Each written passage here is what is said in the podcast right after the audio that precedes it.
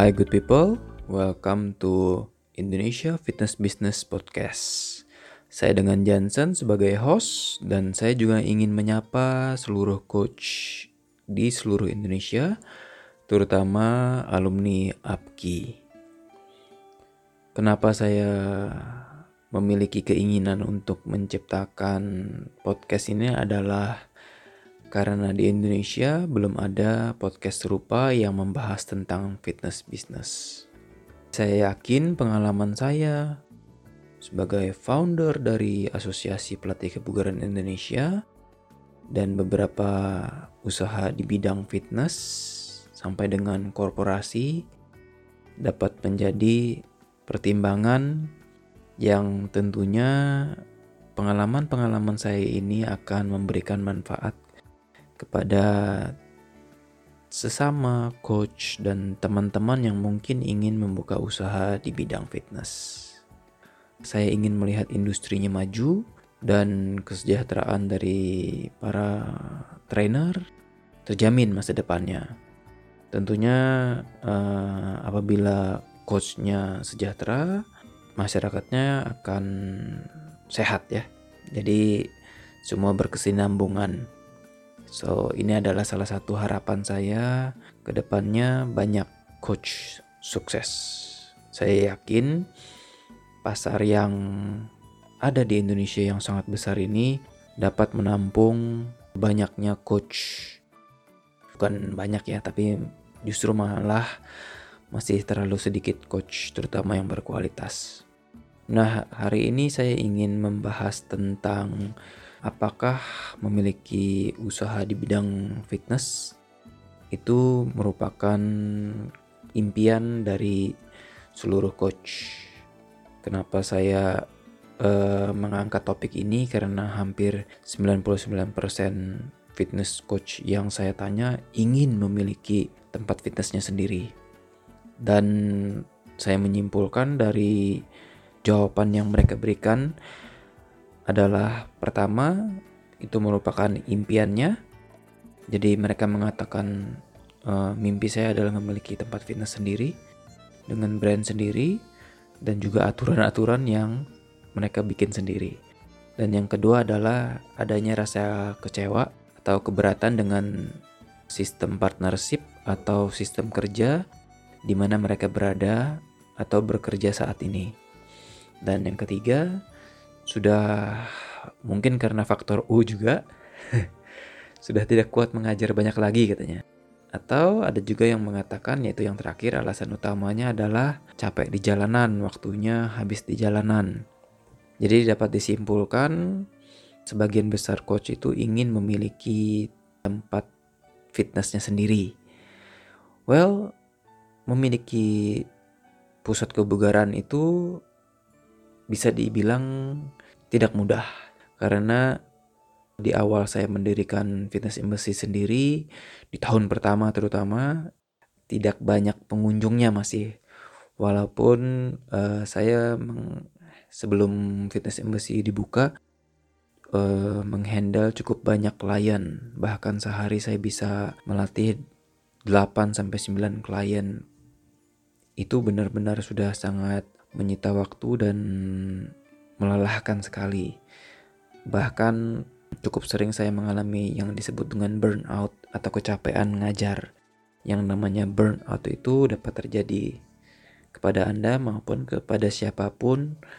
Nah, kembali lagi berbicara tentang studio fitness, Kebanyakan yang mengatakan atau yang masih memiliki impian untuk punya pusat kebugaran sendiri itu tidak memahami bahwa banyak sekali eh, hal-hal uh, yang harus mereka persiapkan sebenarnya dalam membuka usaha.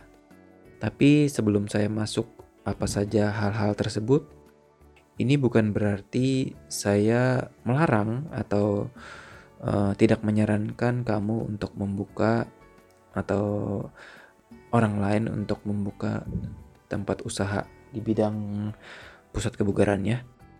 Tapi bisa dijadikan konsiderasi atau pertimbangan.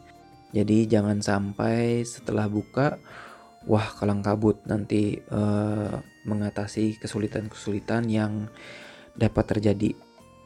menurut saya pribadi, syarat mutlak yang harus kamu miliki sebelum membuka fitness studio, baik yang kecil maupun yang besar, adalah kamu wajib memiliki growth mindset. Mungkin bagi teman-teman yang belum mengetahui apa itu growth mindset, saya akan menjelaskan sedikit ya. Jadi ada dua uh, istilah mindset. Yang pertama adalah growth mindset dan juga fixed mindset. Growth mindset itu adalah orang-orang yang mampu ini intinya ya, orang-orang yang mampu melihat kesempatan dalam setiap permasalahan atau suatu tantangan. Nah, orang-orang yang memiliki fixed mindset itu adalah orang-orang yang melihat masalah dalam setiap kesempatan. Jadi growth mindset itu mutlak dimiliki karena akan banyak sekali tantangan yang akan dihadapi dalam membuka maupun menjalani usaha di bidang fitness. Yang kedua adalah apakah coaching merupakan benar-benar passion kamu? Ini penting sekali kamu bertanya ke diri sendiri apakah mau selamanya melatih klien. Kenapa? uh, yang membuat saya pantang mundur dalam mendirikan fitness embassy adalah keinginan saya untuk menyehatkan klien-klien saya. Passion itu penting di saat masalah bermunculan dalam bisnis yang kita jalani. Karena tanpa passion kita dengan mudahnya menyerah apabila terjadi suatu tantangan atau masalah yang dapat terjadi. Nah, berikutnya adalah apakah kamu sudah uh, memiliki beberapa skill yang disebut dengan soft skill? Kenapa ini penting? Karena dalam menjalani atau memiliki fitness bisnis itu sudah di level yang berbeda dengan menjadi seorang personal trainer saja. Nomor satu, soft skill yang wajib dimiliki. Apakah kamu memiliki skill yang disebut dengan leadership leadership ini uh, yang saya maksud adalah leadership di mana setidaknya kamu sudah mampu memimpin diri sendiri. Maksudnya, apakah kamu sudah cukup bertanggung jawab dengan hidup kamu sehari-hari? Apakah kamu sudah uh, mampu memenuhi setiap janji yang kamu olah atau resolusi-resolusi yang kamu bikin setiap tahun? Ini penting sekali karena kenapa? Uh, leadership yang terbaik itu adalah lead by example atau walk the talk. Karena yang saya jumpai kebanyakan orang-orang yang katanya punya skill leadership tapi ternyata lebih ke sisi bossy. Bossy itu tidak lead by example, kecenderungan suka menyuruh atau menyalahkan Soft skill leadership itu adalah tim kamu melakukan kesalahan, kamu berdiri paling depan untuk bertanggung jawab atas kesalahan tersebut. Kemudian eh, dari leadership sendiri, kamu juga harus mampu menuntun tim kamu ke arah yang lebih baik.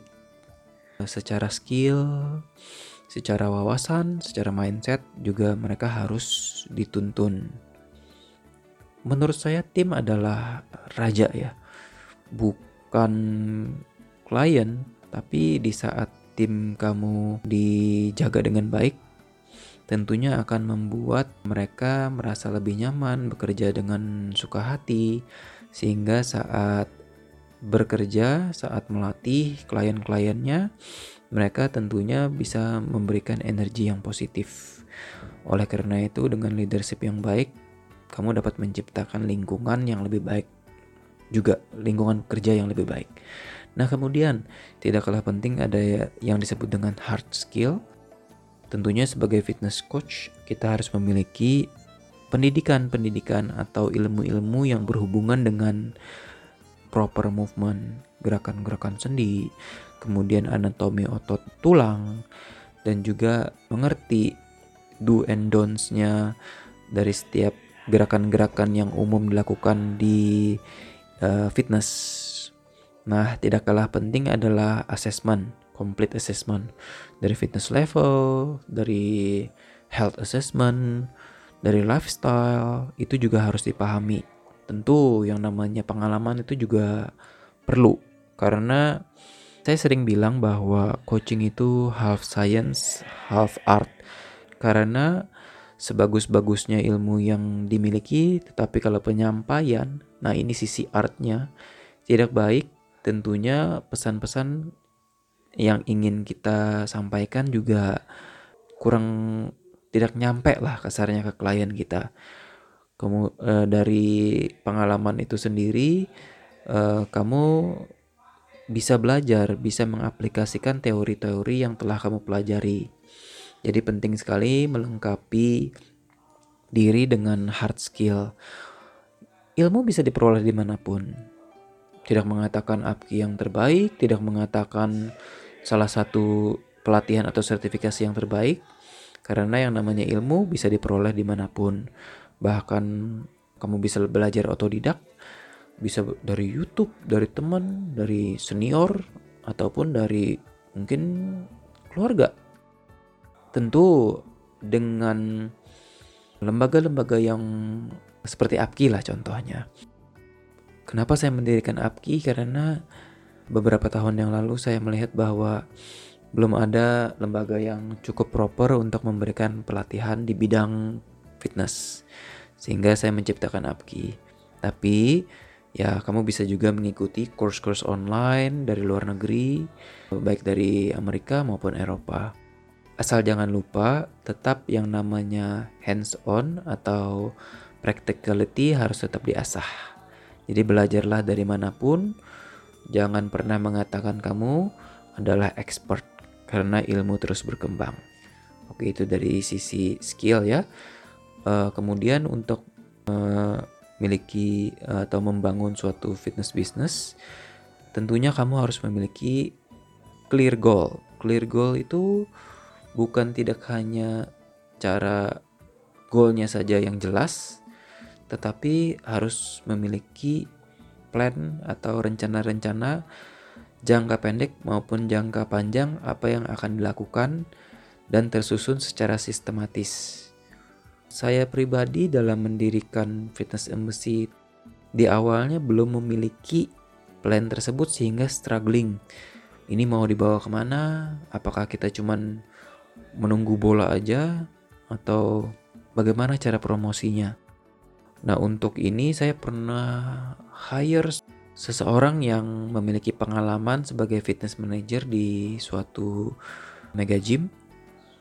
Bukannya mendapat bantuan, saya malah mendapat banyak kritikan bahwa aduh, sepertinya fitness embassy itu sangat minim sekali ya fasilitasnya sehingga saya kesulitan untuk mempromosikan usahanya. Bahkan treadmill saja tidak punya katanya. Belum lagi luasnya cuma uh, 45 meter square sehingga aduh ini sudah tidak mungkin saya bisa promosikan apa yang bisa diunggulkan. Saya pun membela diri dengan ya kita kan uh, memiliki coach yang hebat saya bilang kayak gitu. Waduh dia bilang hebat saja kayaknya nggak cukup deh mas karena kembali lagi apabila dibandingkan dengan gym-gym besar yang memiliki fasilitas lebih lengkap fitness embassy nggak ada apa-apanya katanya begitu. Tapi saya akan coba. Kemudian saya berikan dia beberapa database dari kenalan-kenalan klien saya.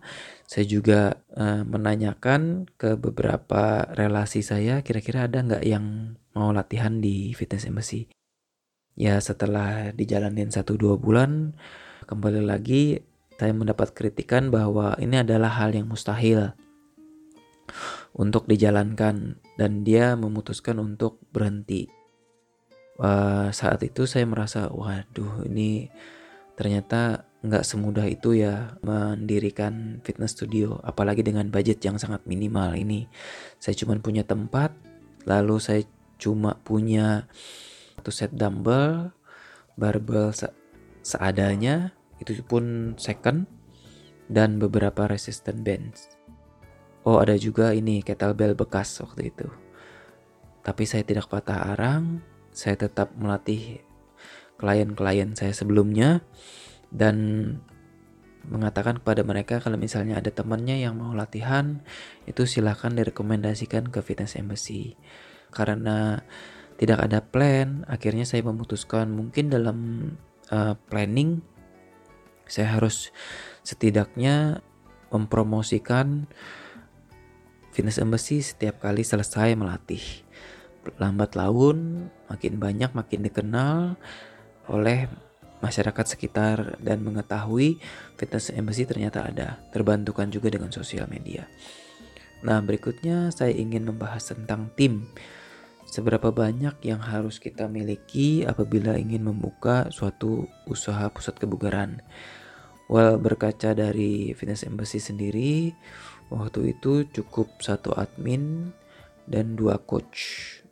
Ini tidak mengatakan jumlah yang ideal, tapi setidaknya dengan satu atau dua coach dan satu admin itu sudah cukup untuk membuka suatu fitness studio kecil-kecilan. Tentunya kalau misalnya mau bukanya gym yang besar itu membutuhkan banyak SDM dan pastinya lebih besar budgetnya. Nah berbicara tentang budget karena saya bikinnya modal dengkul otomatis yang bisa saya share adalah ya gym yang modal dengkul juga yaitu minim SDM bukan suatu korporasi bukan suatu gym besar. Nah tadi saya membahas tentang budget ya. Sebenarnya ada beberapa cara untuk mendapatkan modal ya untuk uh, usaha gymnya Nah, untuk usaha gym itu modalnya tentu bisa diperoleh dari beberapa alternatif yang pertama, kalau misalnya kamu punya modal sendiri, tentu akan lebih baik karena uh, memiliki kebebasan dalam mengembangkan bahkan risikonya juga ditanggung sendiri. Kamu tidak memiliki obligation atau kewajiban ke siapa pun.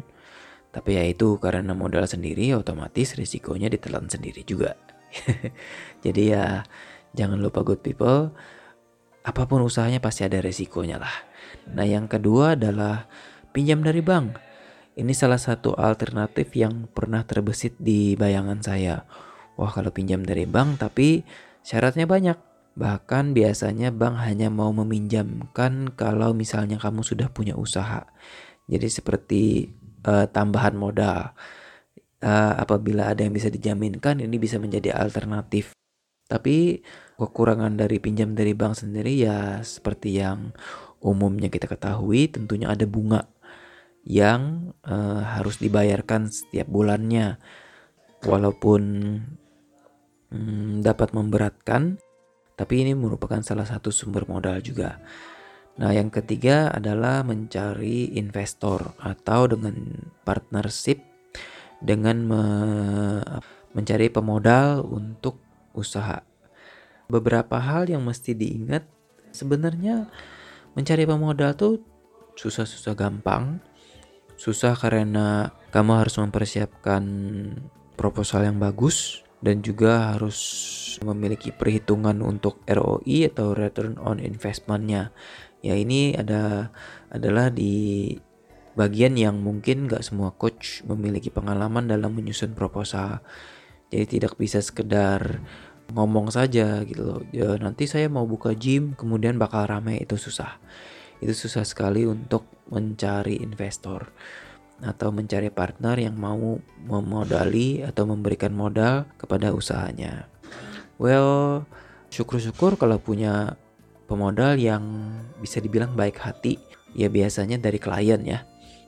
Benefit dari pemodal partner mampu memodali adalah biasanya uh, mereka memiliki networknya sendiri Bahkan mungkin ada kemampuan atau keahlian-keahlian yang mereka bisa bagikan. Namun kekurangannya adalah ya karena kamu dimodali otomatis eh, kebebasan dalam menentukan usahanya itu berkurang. Tentu partner memiliki input-input yang kadang sulit untuk ditolak. Oh ya, jangan lupa juga di saat kamu mencari pemodal, juga harus memikirkan bagaimana nanti kalau misalnya terjadi suatu perpecahan dari kerjasama. Itu harus benar-benar clear dulu karena kenapa? Pernah terjadi adalah saat putus kerjasama itu tidak tahu bagaimana uh, cara menyelesaikan perselisihan tersebut. Sehingga ada baiknya di awal ditentukan bagaimana buyback antara salah satu pihak atau bagaimana bentuk share atau ganti uh, jangan ganti rugi ya ganti untung lah kasarnya supaya ya doanya baik ganti untung apabila ada investor yang ingin mundur. Nah, itu adalah tiga cara dari bagaimana kita mencari modal untuk membangun fitness business. Nah, dalam membangun fitness business sendiri itu tidak hanya skill-skill dan itu tadi hard skill, soft skill, kemudian growth mindset, passion yang harus kamu punya. Belum lagi kita berbicara tentang legalitas, belum mencari lokasi yang strategis dan itu dari legalitas sendiri membutuhkan biaya yang tidak sedikit. Penentuan lokasi sendiri yang bisa dibilang untung-untungan karena ini menentukan siapa target market kita yang akan kita layani. Uh, menurut saya sih ini termasuk salah satu yang penting lokasi yang strategis itu hmm, mungkin ada hubungannya dengan faktor luck atau keberuntungan juga. Lokasi itu akan sangat menentukan seberapa besar atau kecilnya harga dari layanan yang akan kita tawarkan ke masyarakat. Oh ya, selain itu belum lagi kita harus mempertimbangkan USP atau unique selling point, apa yang membuat tempat fitness kita berbeda dengan yang lain. Kenapa mereka memilih tempat fitness kamu dan juga salah satunya harus membangun strong brand identity. Brand identity itu adalah uh, yang di mana di saat kita mengatakan satu produk itu muncul top of the mind mereka. Jadi let's say warna merah itu menggambarkan produk apa misalnya. Brand identity yang juga memakan waktu dan prosesnya panjang untuk dibangun. Contohnya seperti Apki lah kasarnya. Brand identity-nya sudah sangat kuat sekali di saat ada seorang coach mengenakan pakaian hitam dengan lambang yang merah di dadanya itu orang sudah tahu. Dan ini amit-amit ya, uh, good people. Kita belum berbicara tentang potensi-potensi seperti terjadinya musibah, baik kecelakaan yang terjadi di lapangan, sehingga penting sekali melengkapi apa pun upaya yang bisa kita lakukan agar meminimalkan hal-hal tersebut. Tapi ya kembali lagi yang penting sedia payung sebelum hujan. Nah itu tadi input saya tentang mendirikan fitness bisnis atau fitness studio baik kecil maupun besar sebenarnya tidak banyak berbeda. Tentunya semakin besar semakin ribet belum lagi uh, kalau misalnya kita berbicara skala fitness bisnis seperti mega gym yang makan biaya miliaran bahkan puluhan miliar itu tentunya membutuhkan strategi-strategi dan juga skill-skill serta persiapan yang harus dibantu oleh profesional. Tapi karena fitness bisnis yang saya share ini modal minimum jadi saya yakin apa yang saya share hari ini teman-teman bisa relate ya, teman-teman coach. Jadi uh, ya semoga bermanfaat dan menjadi pertimbangan lah setidaknya. Tentunya untuk bisnis di bidang fitness itu tidak terbatas di uh, fitness studio saja. Teman-teman juga bisa mempertimbangkan beberapa alternatif bisnis lain Contohnya seperti outdoor bootcamp atau bisa juga membangun suatu tim yang berisikan uh, personal trainer yang bisa di apa melayani perusahaan-perusahaan korporasi. Kemudian juga saat ini yang cukup populer adalah online coaching. Itu juga cukup menjanjikan. Ada juga uh, saya melihat adanya beberapa coach yang sekalian jualan suplemen ataupun apparel, pakaian-pakaian maupun aksesoris yang berhubungan dengan fitness. Itu tentunya bisa menjadi extra income. Hmm, yang lebih advance-nya bisa juga mungkin mempertimbangkan menciptakan fitness application baik hmm, yang berhubungan dengan video coaching ini masih berhubungan dengan online coaching ya tapi fitness application yang mungkin bisa demonetize seperti membershipnya yang cukup populer yang ini walaupun banyak tapi saya yakin masih memiliki potensi adalah catering sehat atau health catering yang memberikan solusi kepada masyarakat untuk mencari atau memberikan alternatif pola makan yang mungkin bisa disesuaikan dengan kebutuhannya para klien. Dan Leslie walaupun saya tidak terlalu menyarankan adalah menjadi fitness influencer. Well, uh, tentu ada pro kontra tentang setiap usaha atau setiap bisnis yang ingin dikembangkan. Demikian sharing saya. Kalau misalnya teman-teman ada pertanyaan, silahkan saja meninggalkan komen di Instagram Indonesia Fitness Business.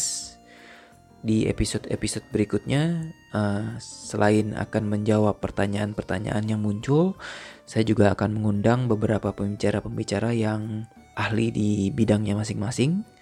Dan jangan lupa kalau misalnya Anda merasakan manfaat dari podcast ini, bisa share ke teman-teman.